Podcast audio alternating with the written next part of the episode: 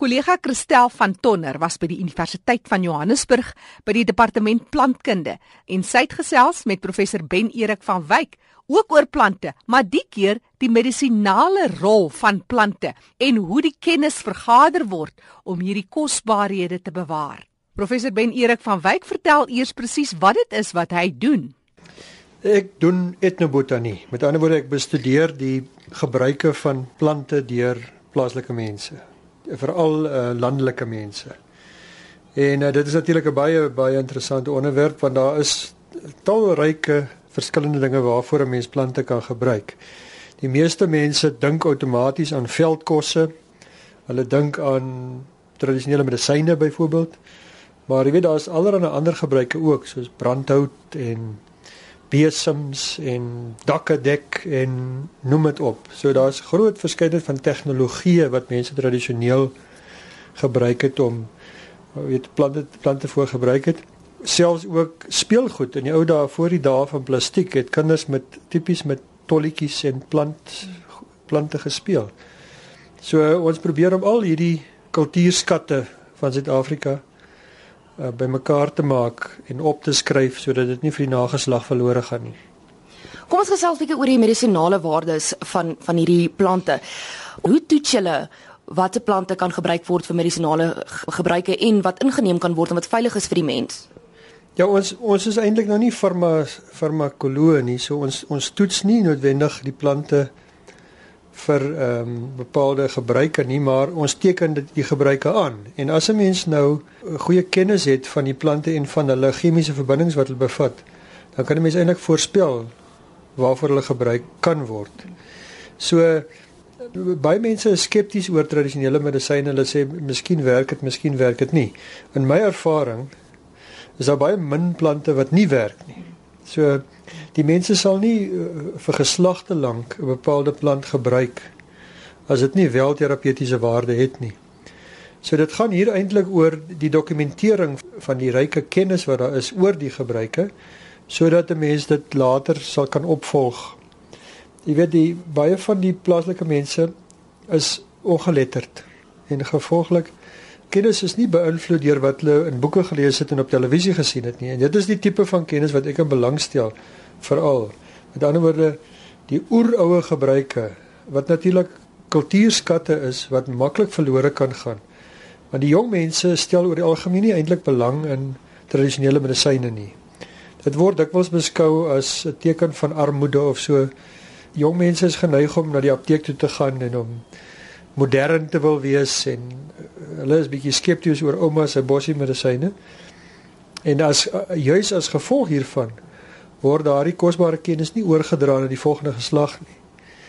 En uh, ons is nou uh, letterlik aan die laaste geslag uh, wat die Kaapse kennis betref om nog hierdie uh, data te kan bymekaar maak. Want ek kom al op baie dorpe in die Kaap rond wat uh, waar daar absoluut geen inligting meer is nie. Niemand ken meer die bossies en waarvoor mense hulle kan gebruik nie. In die res van ons land is dit nou is dit nie so krities nie. Ek meen die die die uh, Zulu en die Sotho medisyne gaan aan. Dis dit is 'n 'n lewensvatbare um, medisyne-stelsel. Maar die Kaapse ek uh, die Kaapse kruie medisyne is is nou iets wat um, besig is om half uit te sterf. Dit dit het ontstaan uit die Khoisan kultuur. En as 'n mens nou 'n aanmerking neem dat die, die Kaapse flora is ontsettend ryk. Daar's omtrent 9000 spesies van plante in die Kaapse flora. En wat meer is 60% van hulle kom net in die Kaap voor. So ons het hierdie unieke, unieke kultuur, die Khoisan kultuur, daarmee saam die unieke plante van die Kaap. En jy kan nou sien hoe belangrik dit is want uh, oor die algemeen is die Kaapse plante redelik goed ondersoek en beskryf maar hulle gebruike is eintlik baie swak bekend.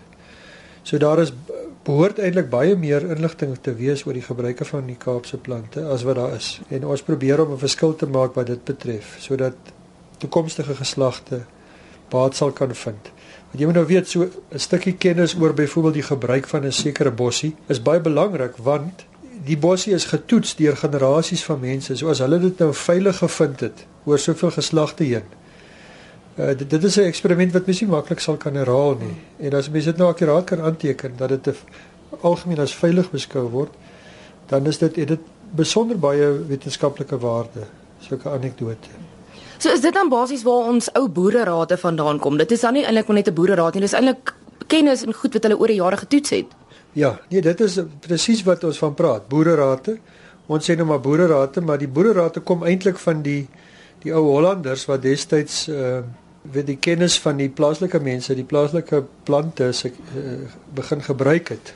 Hulle het hulle eie plante saamgebring. Ons dink aan goed soos groen amara en wynruit en groen amara kom van Europa af. Daar's verskeie sulke plante wat deur Europeërs na die Kaap gebring is en hier aangeplant is vir medisyne, maar dan het hulle natuurlik van die plaaslike bossies begin gebruik maak en die plaaslike mense se kennis begin gebruik. So oor die algemeen het meeste van die inheemse plante nou Afrikaanse name gekry. Maar die gebruike is on uh, sekerlik kom uit die Khoisan tradisie uit. En dit maak dit eintlik baie besonders.